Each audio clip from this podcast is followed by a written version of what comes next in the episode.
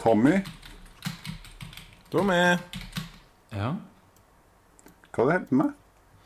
eh, På å sende mail. Nå når jeg skal lage podkast? Ja, på å skrive inn innspill til psykologlunsj.gmail.com. Det var interessant.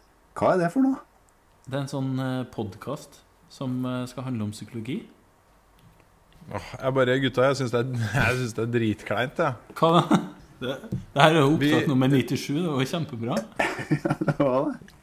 La oss åpne med at Tommy skriver på tastaturet. Ingen skjønner helt eh, hvorfor han skriver. Og så spiller vi ut at eh, han eh, skriver til sin egen podkast, og så forklarer vi hva podkasten går ut på. Det sto ingen plass her at så skulle Jan Ole komme og krølle det til. Nei, det var jo min idé, da. Det var jo Jeg, jeg, syns, jeg syns vi skal gå for den. Og jeg syns det er opp til deg å redde den introen her nå, Jan Ole.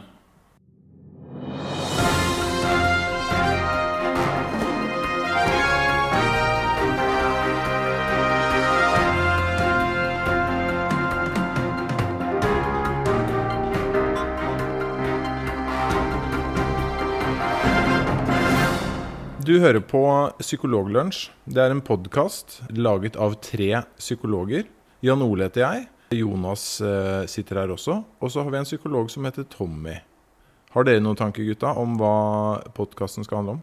Det kan være eh, alt mulig spennende og rart som eh, befinner seg i psykologiens verden. Det er mye rart der. Eh, Det vi vet, er i hvert fall at vi ønsker å ta for oss mer sånn normalpsykologiske problemstillinger. Litt sånn psykologi i grunnsfag for allmennheten.